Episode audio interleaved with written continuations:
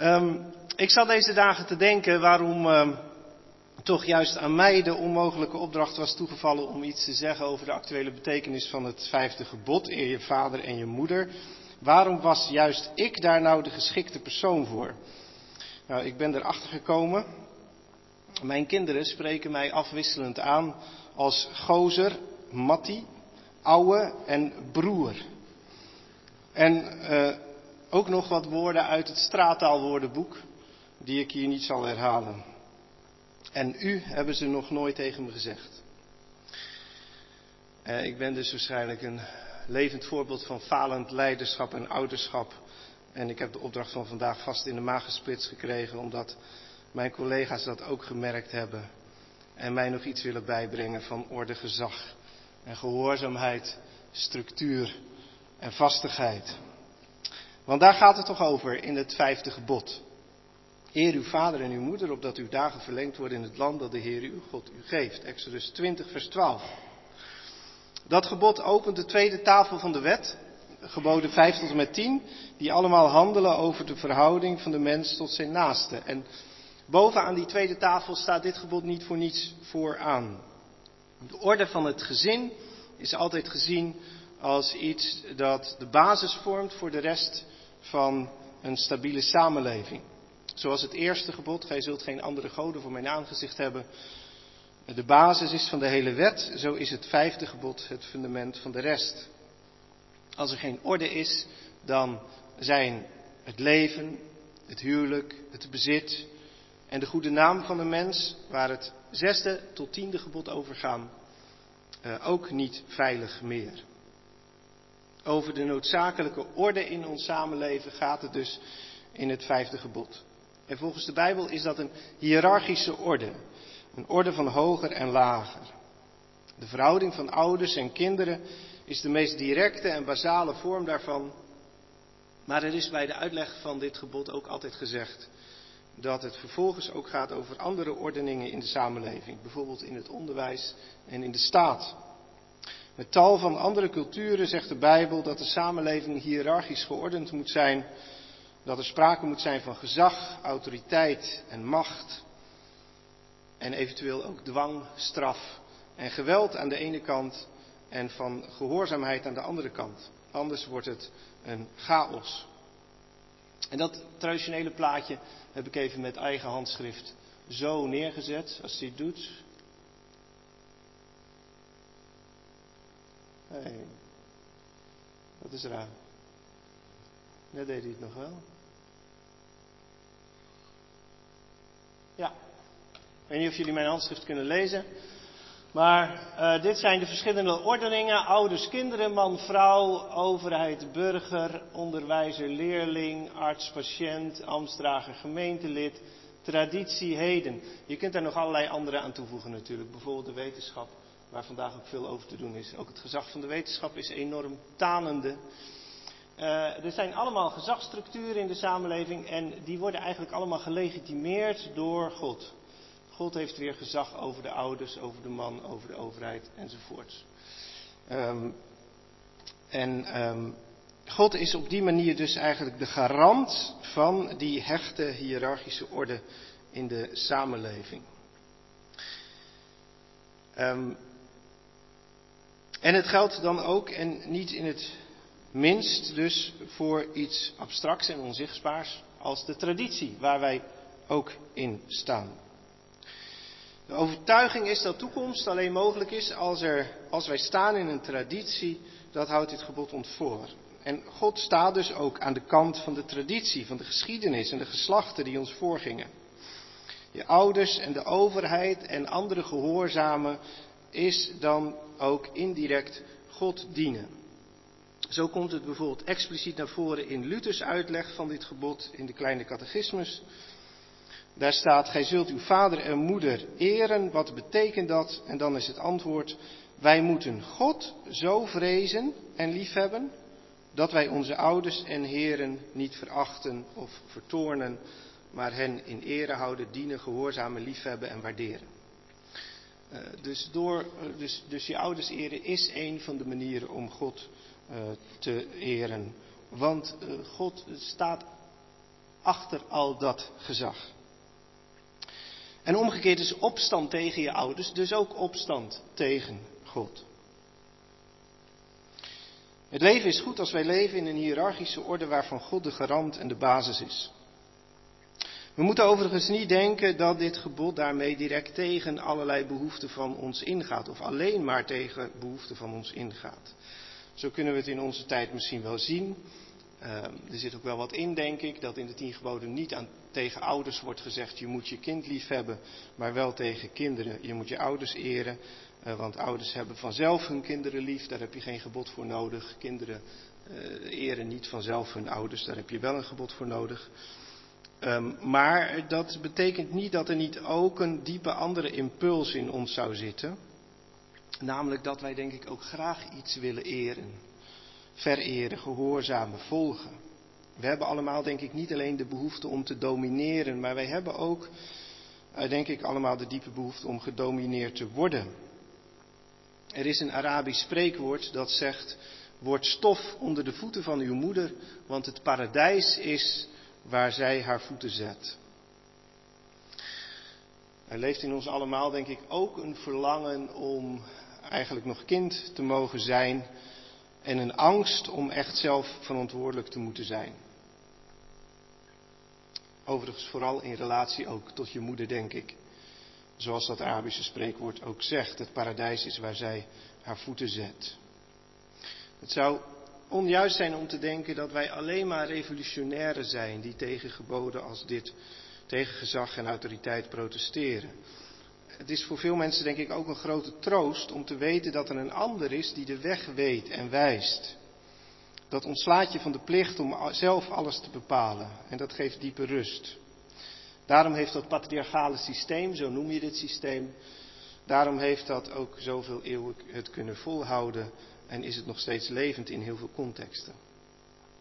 Deze behoefte aan gezag buiten ons maakt ons ondertussen wel ook vatbaar voor invloeden die niet goed voor ons zijn. Ik lees een citaat uit een interview van dit weekend in het Nederlands Dagblad. Daar stond: De autoriteit die er 50 jaar geleden was van de kerk, de overheid, de huisarts en het hoofd van de dorpsschool is helemaal weggevallen. Mensen zijn nu teruggeworpen op hun eigen autoriteit omdat de wereld complex is, zoeken mensen naar nieuwe figuren van autoriteit. Vandaar de grote successen van influencers. Mensen die ergens voor staan en zich op deelgebieden als goeroe presenteren.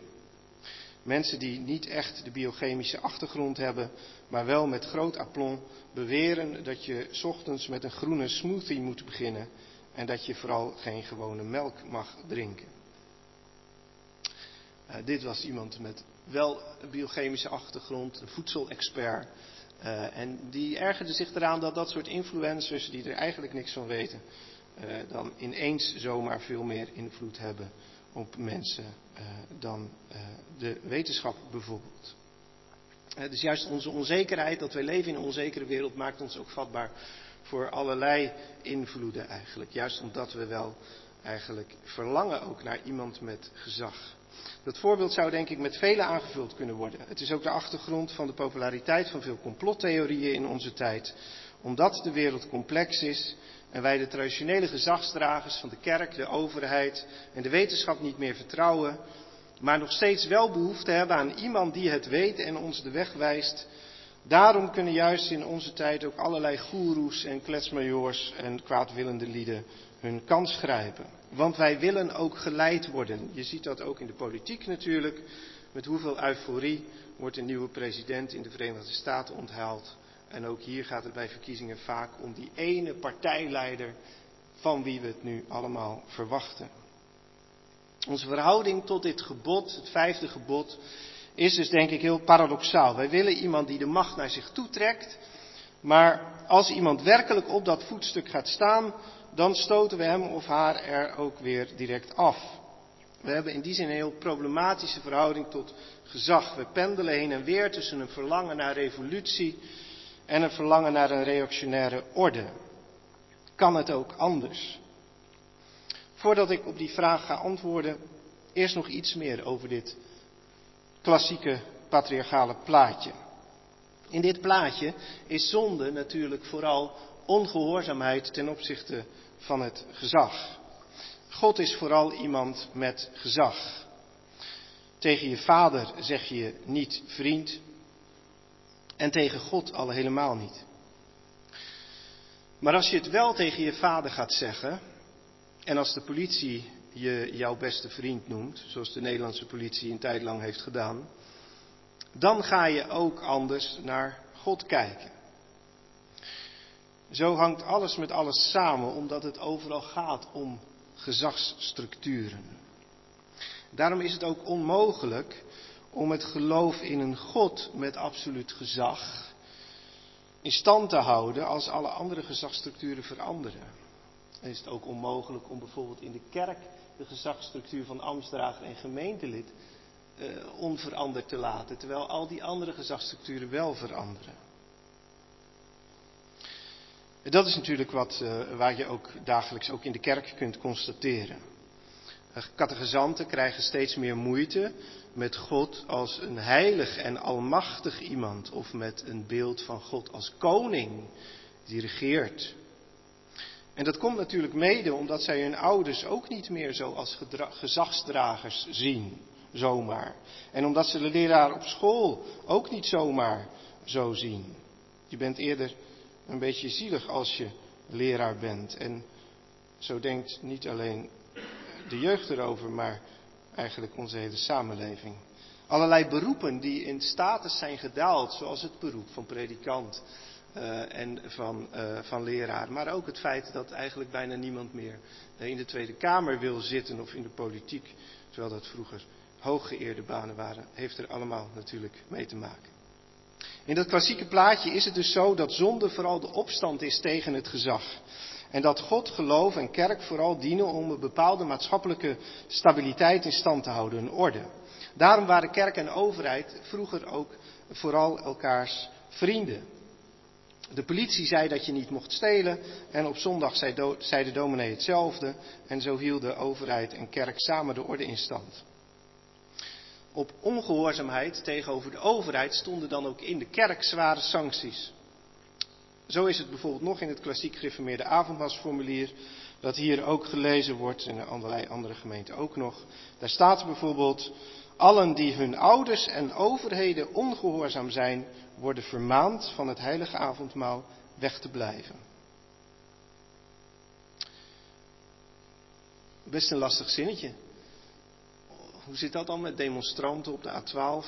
Met mensen die een omgekeerde vlag ophangen? Ehm, met mensen die de coronaregels overtreden? Met ouders die klagen tegen leerkrachten? Ehm, met mensen die opstaan tegen het gezag van uh, ambtsdragers in de kerk? Je ziet hoezeer de kerk vroeger het als haar taak heeft gezien om deze hele structuur in stand te houden met een beroep op God. En God staat in dat plaatje dus vooral aan de kant van de traditie. En in die zin ook vooral aan de kant van het verleden. Vanuit het verleden komt Hij met zijn gezag tot ons. Om een heel ander beeld daartegenover te geven, de moderne theologie theologie van de 20e eeuw, lokaliseert God vaak niet in het verleden, ook niet in de eeuwigheid hierboven, maar in de toekomst. Jürgen Moltmann bijvoorbeeld, heel invloedrijk Duits theoloog van de 20e eeuw, lokaliseert God eigenlijk in de toekomst. God komt vanuit de toekomst op ons af. Dus niet vanuit de bestaande orde, maar vanuit de nieuwe orde die er nog niet is. Dan zou je kunnen zeggen dat God in de eerste plaats met de onderste rij te maken heeft. Niet in de eerste plaats met de bovenste, maar in de eerste plaats met de kinderen, met de vrouwen, met de burgers, eh, met de leerlingen, uh, met de gemeenteleden. Uh, en, en, en met het nu, wat omgezet moet worden naar een andere toekomst. In dat type denken is God veel meer de onruststoker eigenlijk. Degene die de bestaande orde juist niet wil, omdat hij naar een andere orde toe wil. Maar nu loop ik wat op de zaken vooruit. Het gaat eerst nog even om een analyse van uh, waarom wij nu in deze situatie zitten, dat dit plaatje eigenlijk niet meer werkt. waarom overal het gezag in crisis is. Natuurlijk heeft dat ook te maken met uh, het verdwijnen van het godsgeloof. Als je God uit dit plaatje weghaalt, dan komt eigenlijk al die gezagsstructuren komen dan eigenlijk in de lucht te hangen. Hè? Ze hebben eigenlijk allemaal geen basis meer. Dus in die zin heeft de gezagscrisis natuurlijk heel erg te maken met het verdwijnen van het godsgeloof. Maar uh, er is meer aan de hand, denk ik. Sinds de verlichting is de Europese cultuur terechtgekomen in een opstand tegen de vaderfiguur, de gezagsdrager. Die wel, en dat heeft wel te maken met het afscheid van het christendom, maar het valt er ook weer niet mee samen. Verlichting, zei de Duitse filosoof Immanuel Kant, verlichting is dat de mens uittreedt uit zijn zelf, uh, de, de onmondigheid waar hij zelf schuldig aan is. De mens is onmondig, hij zit vast in dit soort gezagsstructuren. Dat is zijn eigen schuld, zegt Kant. Maar nu, dus de 18e eeuw, gaat daar verandering in komen. Dat is verlichting. En dat raakt dan natuurlijk meteen aan al die hiërarchieën. Alleen, Immanuel Kant werd niet ongelovig. Hij werd protestant. Hij was protestant, beter gezegd. Hij was een trouwe kerkganger. En dat heeft ermee te maken dat men in Duitsland de wortel van de verlichting uh, altijd in de reformatie heeft gezocht. En de verlichting dan ook niet zo radicaal beleefd heeft als een afscheid van God, zoals dat wel veel sterker het geval was in Frankrijk en ook in Nederland met mensen als Voltaire en Spinoza en Descartes, eh, die wel eh, die opstand tegen de kerk, voor wie wel die opstand tegen de kerk en het kerkelijk gezag meteen ook de opstand tegen God was. Duitsland heeft er veel meer aan vastgehouden dat ook de reformatie al een beweging was die in die, deze hiërarchieën al heel ingrijpende verandering bracht. En dat je dus niet meteen ongelovig hoeft te worden als je problemen hebt met het vijfde gebod. Opstand tegen kerkelijk gezag hoeft niet uit te lopen op opstand tegen God. Dat had de reformatie Duitsland al geleerd. Aan het einde van de middeleeuwen had je immers de standenmaatschappij uh, van geestelijkheid, adel en boeren. Die begon langzaam te veranderen doordat er in de steden een vierde stand bij kwam, de stedelijke burgerij. En daar in de steden ontstaat dan onder de mensen een nieuw zelfbewustzijn uh, dat er daarvoor nog niet was. Een eigen organisatie en macht, het ik treedt naar voren. En die mensen gaan verlangen naar meer vrijheid en um, naar een doorbraak in die standenmaatschappij. En juist in die steden, uh, waar dat soort maatschappelijke vernieuwing uh, broeit, juist daar vindt de reformatie dan een plek. In opkomende steden als Wittenberg en Genève, daar grijpt de reformatie plaats, veel meer dan op het platteland. En Luther gaat daarin natuurlijk zelf voorop. Omdat Luther zelf een uitzonderlijk zelfbewustzijn heeft en ook een bewustzijn van wat hij kan en mag hij helemaal alleen durft te staan tegenover de traditie, tegenover de macht van de paus en de keizer. Ik sta hier, ik kan niet anders. En dat zelfbewustzijn gold eerder overigens ook al tegenover zijn vader, tegenover zijn ouders. Luther ging niet in het spoor van zijn vader, die voor hem een rechtenstudie in gedachten had en daarmee een aanzienlijke positie in de samenleving. Met theologie kwam je toen ook al niet ver. De kerk.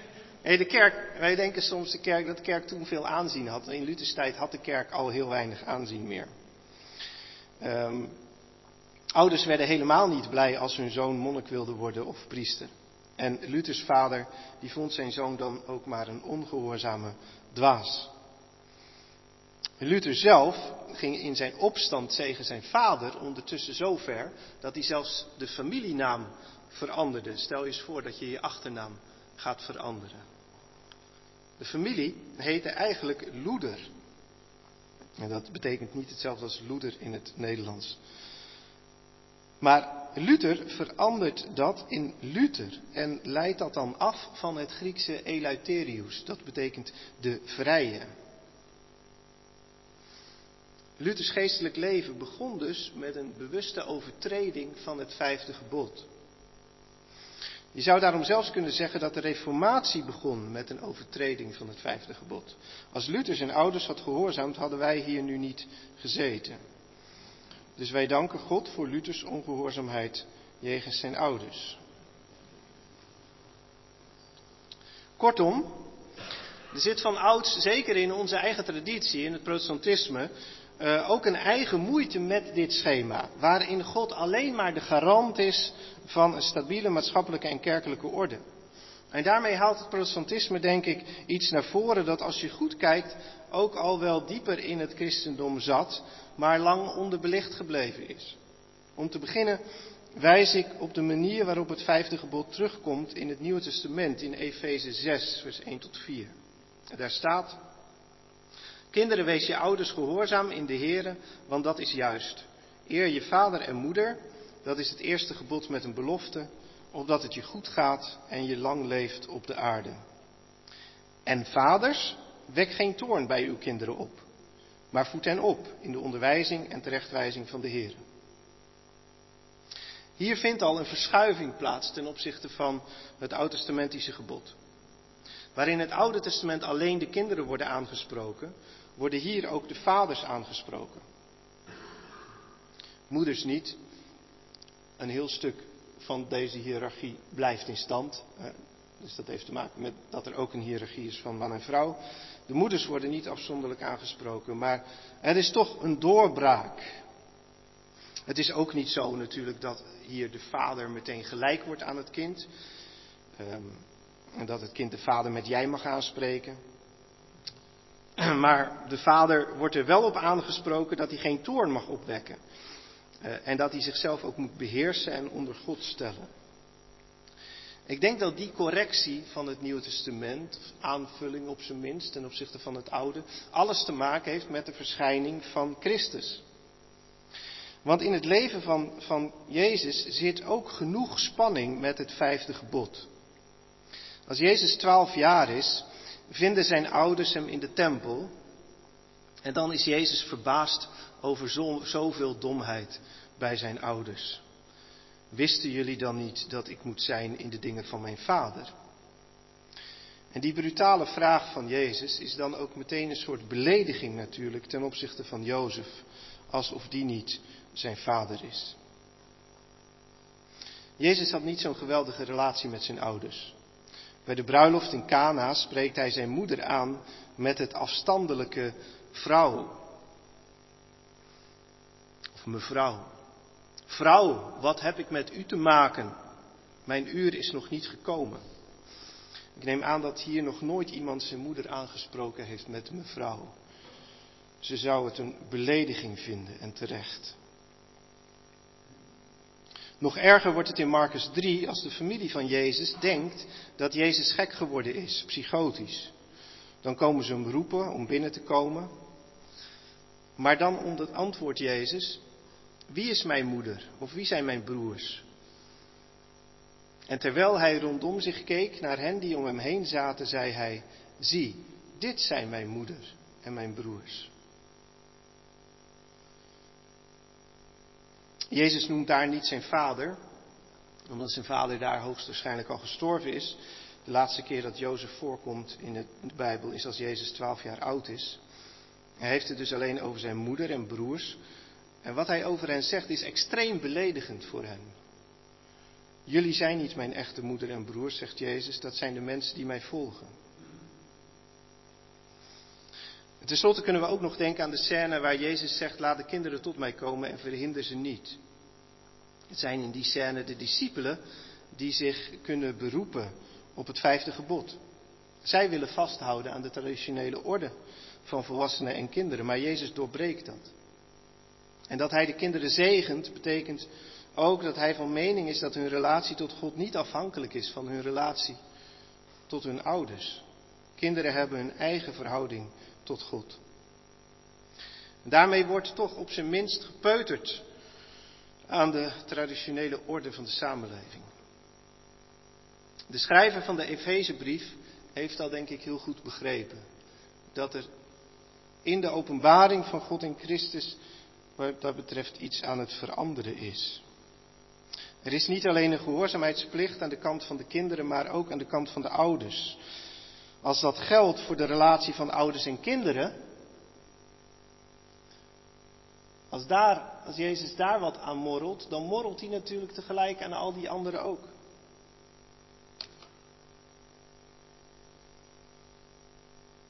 En daarom is het ook niet zo vreemd dat het christendom juist begonnen is als een revolutionaire beweging. Een beweging die deze heilige orde helemaal opschudde en ondergroef en op stel te zetten. Christenen werden in de vroegste tijd atheïsten genoemd, goddelozen.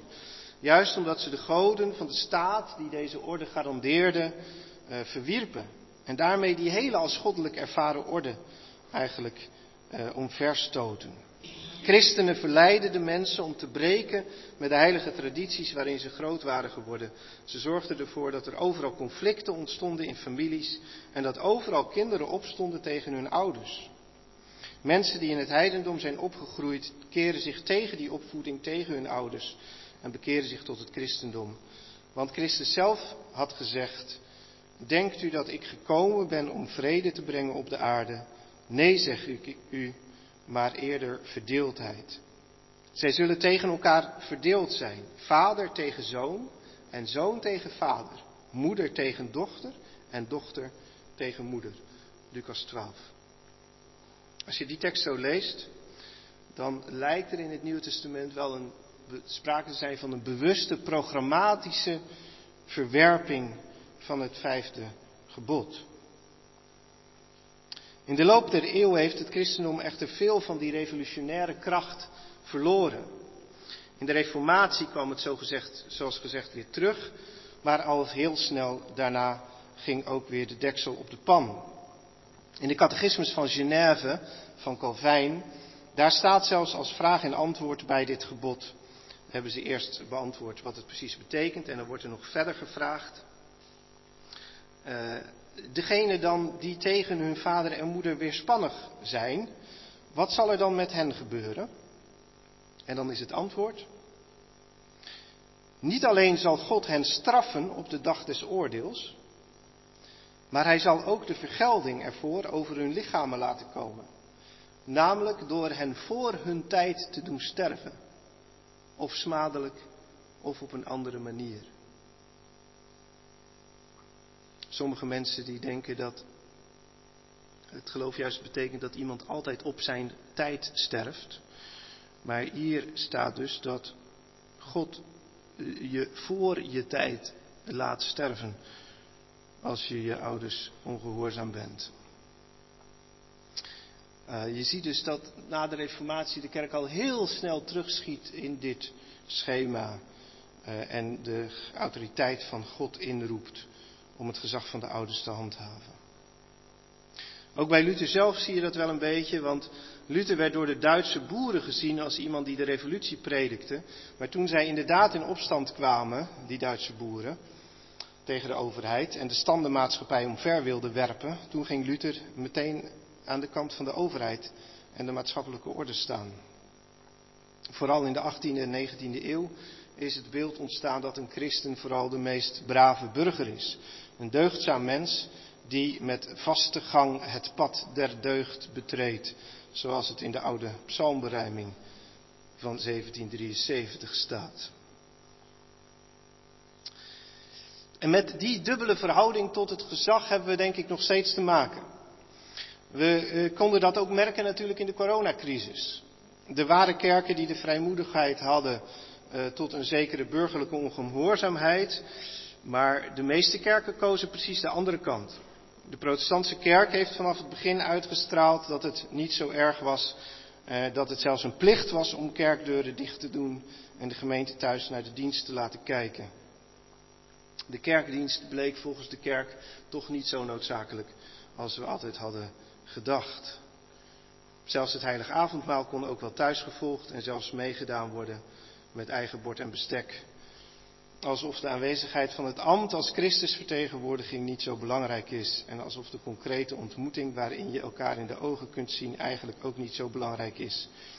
Alsof de kerk niet juist zo'n concreet lichaam is van leden die elkaar in de ogen kijken. De 18e en 19e eeuwse traditie waarin de kerk vooral heel graag gehoorzaam wil zijn, werkt blijkbaar nog steeds door.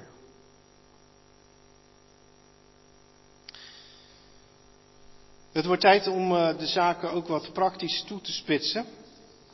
Um, allereerst, wat betekent het gezegde nu voor de opvoeding? Wat zou het kunnen betekenen voor de opvoeding en voor het gezin?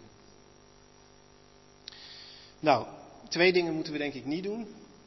Um, we moeten niet door op het spoor van de revolutie van uh, 1968, die deze gezagsstructuren eigenlijk totaal hebben willen verwijderen.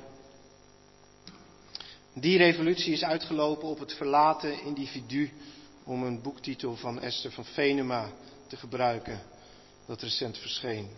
Het is een wereld waarin de vrijheid van het individu zo sterk wordt benadrukt dat het individu helemaal geen keuzes meer kan maken. Keuzes kun je alleen maken binnen een kader. Alleen God heeft geen kader nodig, zou je kunnen zeggen. God is zijn eigen kader. Maar wij mensen kunnen niet zonder kaders. Dat is het gelijk van het vijfde gebod. Alleen als kinderen opgroeien binnen kaders, kunnen ze ook vrijheid en verantwoordelijkheid ontwikkelen en zich eventueel ergens tegen afzetten. Alleen dan bouwen ze een stevige identiteit op. Juist de anti-autoritaire opvoeding heeft geen echt vrije mensen opgeleverd. Dat is de verdrietige conclusie. Paul Verhagen, dat is een Vlaamse psychiater, die schrijft in een boek over autoriteit en over het thema waar we het vanavond over hebben, het volgende. Geen enkel kind begrijpt uit zichzelf dat sloten cola en bergen chips ongezond zijn. Slechts weinig kinderen zijn uit zichzelf gemotiveerd om moeilijke leerstof te verwerken. Hoera, de tafels van vermenigvuldiging uit het hoofd leren.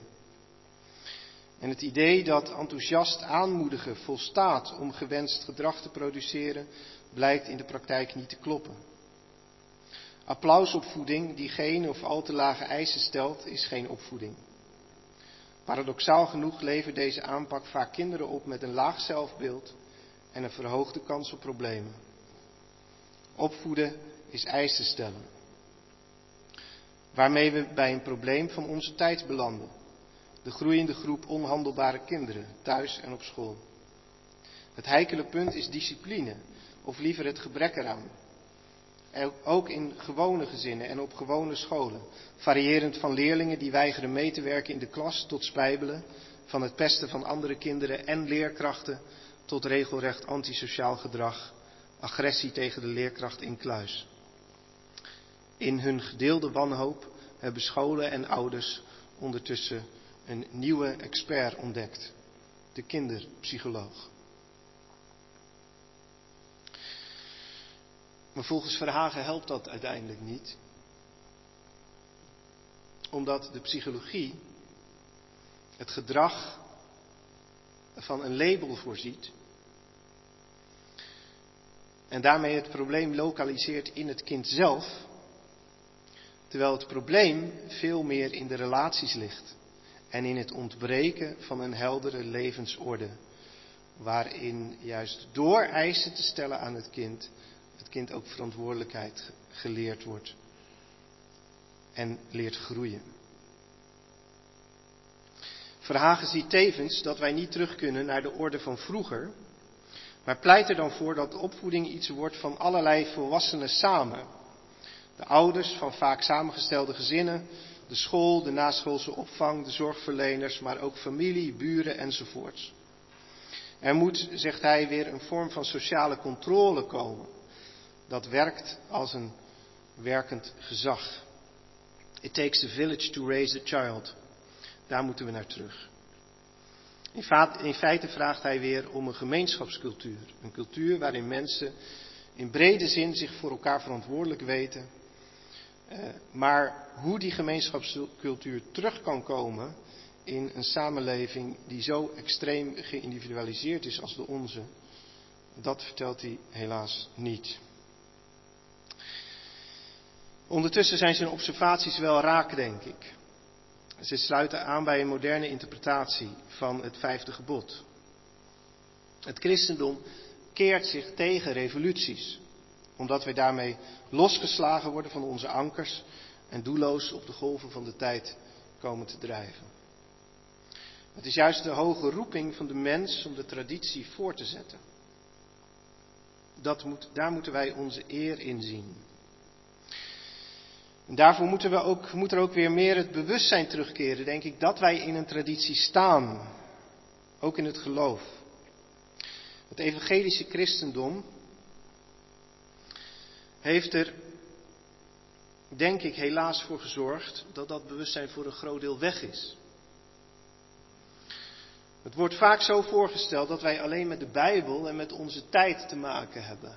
En dat het er dan om gaat dat we de Bijbel en onze tijd bij elkaar brengen. Maar dat is een heel moderne gedachte eigenlijk. Een gedachte waaruit de complete geschiedenis, de complete traditie weg is. Maar God komt niet ineens vanuit de Bijbel tot ons, maar vanuit een Bijbel die via de traditie tot ons komt.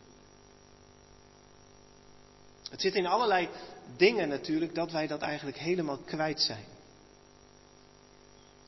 De laatste decennia zijn ineens uh, allerlei christelijke ouders hun kinderen bijbelse namen gaan geven. Dat klinkt natuurlijk fantastisch. Eerst heten ze Jan en Klaas en Willem en zo. En dat zijn allemaal Germaanse namen, die betekenen bijna, betekenen bijna allemaal slager en slachter en doodmaker. Al die Germaanse namen, ja echt waar. Mijn broer en ik, die, die, waren de, die, die hebben dat vroeger opgezocht. Hij heet Gerrit en ik heet Willem Maarten. En wij kwamen er dus achter dat dat, nee, dat, dat zo was. En de een was nog trotser op zijn naam dan de ander. Maar, en dan lijkt het natuurlijk een geweldige verbetering dat wij het nu allemaal Bijbelse namen uh, zijn gaan noemen. Maar het is juist natuurlijk een soort overtreding van het vijfde gebod. Hè. Het is een, een van de vele tekenen waaraan je kunt zien dat wij niet meer zo goed beseffen dat het onze eerste roeping is om een traditie voort te zetten. En dat de geschiedenis niet bij ons begint. Zetten wij iets voort of begint de geschiedenis met ons? Goethe heeft geschreven, was du ererbt von deinen Vätern hast, erwirb es, um es zu besitzen. Wat je van je vaderen georven hebt, hebt, verwerf dat om het te bezitten. In die spreuk laat hij denk ik heel mooi zien dat het primaat van de traditie helemaal niet betekent dat je zelf passief wordt of onmondig. Nee, wat je georven hebt, dat moet je zelf actief verwerven. Om het leven te houden. Ik denk dat het goed is als we dat weer als onze primaire taak gaan zien. Er zijn kerken en gemeenten die vooral breken met de traditie. Die eigenlijk soms op een hele vrome manier toch precies eigenlijk de revolutie van de jaren zestig hebben gevolgd. Onder het mom van heel veel bijbelsheid en heel veel Jezus. Maar hebben ze eigenlijk gebroken met de christelijke traditie. Dat is heilloos. Dan zijn wij gedoemd om de fouten van vroeger te herhalen. Daartegenover zijn er natuurlijk ook kerken die zweren bij vroeger en, en helemaal niet bewegen. Maar als het water stilstaat, dan raakt het bedorven. Goethe zegt, je moet het wel zelf verwerven. Wat je georven hebt, moet je zelf verwerven. We moeten dus de revolutie van de jaren 60 niet voortzetten, maar we moeten ook niet terug naar vroeger, naar de discipline en gehoorzaamheidsstructuur van daarvoor. Ook daar gaan natuurlijk wel stemmen voorop tegenwoordig. Van allerlei conservatieve en reactionaire groepen, christelijk en niet-christelijk. Als je het een beetje gevolgd hebt rond de rel uh, met de schrijver die een pedofiel verhaal zou hebben geschreven. Um, en het, waar het protest vandaan kwam van de Civitas Christiana of uh, uh, waar dat gestart is. Dan is dat een van de vele voorbeelden van die reactionaire groepen die er ook in onze tijd zijn. En dat heeft natuurlijk met, te maken met dat diepe verlangen naar duidelijkheid en rust waar ik mee begon. Maar de geest is niet meer terug in de fles te krijgen, denk ik. En bovendien is het niet in de, geest van Jezus en Luther, zoals we hebben gezien, die niet uh, uh, uh, op het verleden, maar veel meer op de toekomst gericht waren. We zullen het plaatje waar ik mee begon, denk ik, in ieder geval op de volgende manier moeten completeren. Um, moet ik weer even dit doen? Ah, ja, kijk, het is nog steeds hetzelfde plaatje, maar er zijn wat rode lijnen bijgekomen. Uh, die uh, laten zien dat, dat God dus niet alleen een lijn heeft met de ouders en de ouders dan weer met de kinderen, maar dat God ook een eigen lijn heeft met de kinderen die dan terugloopt naar de ouders. En dat werkt bij allemaal zo. Um,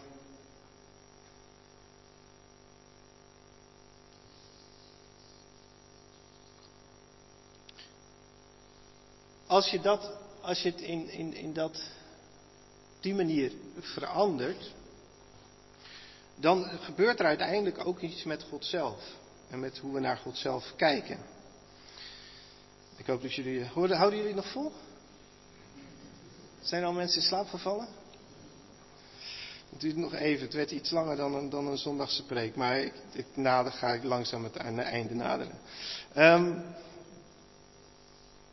God is dus in dat, andere, in dat eerste plaatje eh, vooral verbonden met absolute macht, met absoluut gezag en met de traditie en in die zin ook met het verleden. Ik zei al dat veel moderne theologen God veel meer lokaliseren in de toekomst eigenlijk, in wat nog komen moet. Um, maar een nieuwe doordenking van die problematiek maakt ook dat wij opnieuw moeten gaan denken over Gods nadenken over Gods macht. Dat heeft de hervormde hoogleraar van Gennep heel goed gezien. Die schreef alweer in 1989 een belangrijk boek over de thematiek van vandaag onder de titel De terugkeer van de verloren vader. Naar de gelijkenis van de verloren zoon natuurlijk zegt hij eigenlijk dat wij de vader, de vaderfiguur, dus de gezagsdrager, die zijn wij kwijtgeraakt. En hoe kan de verloren vader weer terugkomen?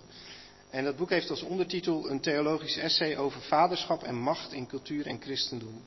Dat boek verscheen in 1989, maar ontstond als idee al in de jaren 60, de jaren van de cultuuromslag, de studentenopstanden, de gezagscrisis. Na een behandeling van de verlichting en de ideologieën van de 19e eeuw komt hij uiteindelijk uit bij uh, de vraag: als wij willen dat de vader terugkeert, hoe moeten wij dan over die vader denken? Dezelfde vader, dezelfde Godvader, kan niet terugkeren naar zijn overtuiging. Eh, de Godvader kan alleen terugkeren met een andere vorm van macht. Hij kritiseert dan het idee van Gods almacht en daarmee ook het idee dat God absolute gehoorzaamheid vraagt. Hij laat het godsbeeld dan veel meer vullen door Jezus en dan niet de opgestaande Heer die wederkomt om te oordelen de levenden en de doden, maar de gekruisigde. De heiland van wie gezegd werd, anderen heeft hij gered, maar zichzelf redden kan die niet. De God wiens macht uitsluitend liefde is. De macht van de liefde, zuiver geweldloos.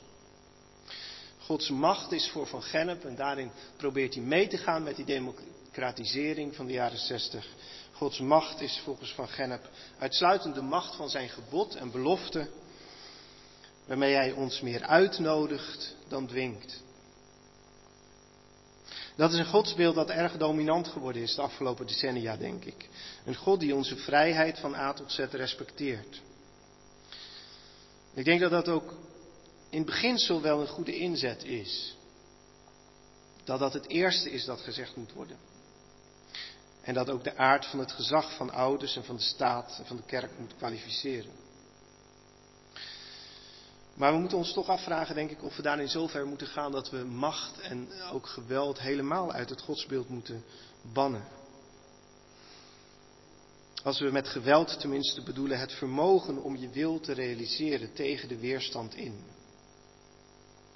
Het valt mij tenminste op in het Nieuwe Testament dat iets als macht uh, ook een woord kan zijn waarover men zich juist verheugt. Ik denk bijvoorbeeld aan Efeze 1 vanaf vers 18, daar staat. Mogen uw hart verlicht worden, zodat u zult zien waarop u hopen mag, nu Hij u geroepen heeft. Hoe rijk de luister is van de erfenis die de heiligen van Christus ontvangen. En hoe overweldigend groot de krachtige werking van Gods macht voor ons die geloven. Die macht was ook werkzaam in Christus toen God hem opwekte uit de dood en hem in de hemelsfeer een plaats gaf aan zijn rechterhand hoog boven alle hemelse vorsten en heersers, alle machten en krachten en elke naam die genoemd wordt, niet alleen in deze wereld, maar ook in de toekomstige. Hij heeft alles aan zijn voeten gelegd en hem als hoofd over alles aangesteld, ten behoeve van de kerk die zijn lichaam is. De volheid van hem die alles in allen vervult. Je ziet in die verse dat macht niet iets negatiefs is, uh, niet problematisch, maar iets waar men zich over verheugt. Christus is het hoofd van de wereld. De opstandingskracht werkt het geloof. Dat is een kracht die het negatieve overwint. En in zoverre is het zelfs een vorm van geweld. Macht die zich doorzet. God lokt ons niet alleen. Hij verleidt ons niet alleen. Hij legt ook zijn hand op ons. Hij buigt onze wil, zoals de traditie zegt. Hij breekt onze wil niet, maar hij buigt hem wel. En alleen zo wordt die wil een vrije wil. Dat de macht bij Christus ligt, betekent echter, denk ik, wel vooral een relativering van alle menselijke macht. In plaats van een legitimatie, zoals in dit plaatje. God staat niet automatisch aan de kant van de gezagsdragers. Hij kan even goed aan de kant van de onderdanen staan. En hen inspireren tot heilige ongehoorzaamheid en opstand. En ik denk dat we ons steeds opnieuw moeten afvragen of dat misschien zo is. Is God misschien per definitie bij de mensen die in de kerk het heilige avondmaal vieren? Of kan het ook zo zijn dat hij net zozeer bij die demonstranten op de A12 was, die burgerlijke ongehoorzaamheid pleegden en daar op die snelweg samen ook het heilige avondmaal vierden? Wat helpt is niet een afzwakking van de macht van Christus of van de macht van God, maar het eenduidig kwalificeren van die macht als een goede macht en dus een macht ten goede. God gebruikt zijn macht niet om alles zo te houden als het is. Dat heeft het christendom denk ik vroeger veel te veel gedacht. Maar God gebruikt zijn macht juist om deze wereld en onze levens om te zetten naar zijn toekomst. Daarin heeft de moderne theologie denk ik gelijk als zij God niet zozeer denkt als een rustend gezag boven ons, maar als de trekkracht van de toekomst, van de nieuwe wereld. En dat geeft ons de vrijheid om net als Jezus en Luther niet alleen gehoorzaam te zijn, maar ook soms juist opruiend en verwarringstichtend aanwezig te zijn in de wereld. Want zonder verwarring zal het koninkrijk van God niet komen. Concreet betekent dat voor het gezin dus dat God ook een eigen band met je kinderen heeft. En dat God ook wel eens de harten van de ouders kan bekeren tot de kinderen. Je kunt je kinderen alleen goed opvoeden als je zelf ook open staat voor het nieuwe dat God je wil wijzen in het leven van je kinderen. En zo moet de ouder dan ook werkelijk in zijn rol gaan staan als de ouder. Als degene die gezag heeft. En de kerk geldt dat dus ook voor. God heeft ook een eigen lijntje met de gemeente. Die niet altijd via het ambt loopt. Maar dan moeten ambtsdragers ook in hun rol van gezagsdragers gaan staan. En niet alleen moeilijke dingen verzwijgen op het huisbezoek, maar ook vragen stellen die niemand durft te stellen. Misschien dat dat, en dat is het allerlaatste wat ik zeg, het meeste, de meest gepaste vorm waarin het gezag in onze tijd tot ons kan komen. Gods gezag in de Bijbel komt ook vaak tot ons in de vorm van een vraag. Meteen al aan het begin van de Bijbel. Mens, waar ben je? In die vraag komt het gezag tot je. In het Nieuwe Testament, Paulus, daarom vraag ik u van Christus wegen, laat u met God verzoenen. Een vraag die je eigenlijk niet wil horen en waar je niet onderuit kunt. Ik denk dat is ook een goede preek met gezag. Niet een preek die zegt zo is het of zo moet het, maar een preek die een vraag stelt waar je niet, die je nog niet eerder zo had gehoord en waar je niet onderuit kunt. Wel onderuit kunt in de zin dat het een vraag is, dus dat je zelf moet antwoorden en zelf mag antwoorden en ook het antwoord mag weigeren. In die zin iets dat volledig vrij laat. Maar als een vraag op je afkomt, als een vraag die je moet beantwoorden, dan is dat misschien juist het gezag wat bij onze tijd en ook bij het evangelie past. De gezagscrisis komt in die zin niet alleen doordat er mensen zijn die in opstand zijn, maar ook doordat de gezagsdragers van onze tijd niet goed in staat zijn zich dat soort van gezag toe te eigenen. Ik wens ons allen, zover wij in gezagsposities zijn, voor alles dat gezag van het durven stellen van de vraag die niemand durft te stellen, maar die wel gesteld moet worden, toe. Dat is denk ik een vorm van gezag nemen waar wij heel erg hard behoefte aan hebben. Ik dank u, gozers, matties, vrienden, strijders, brothers en sisters.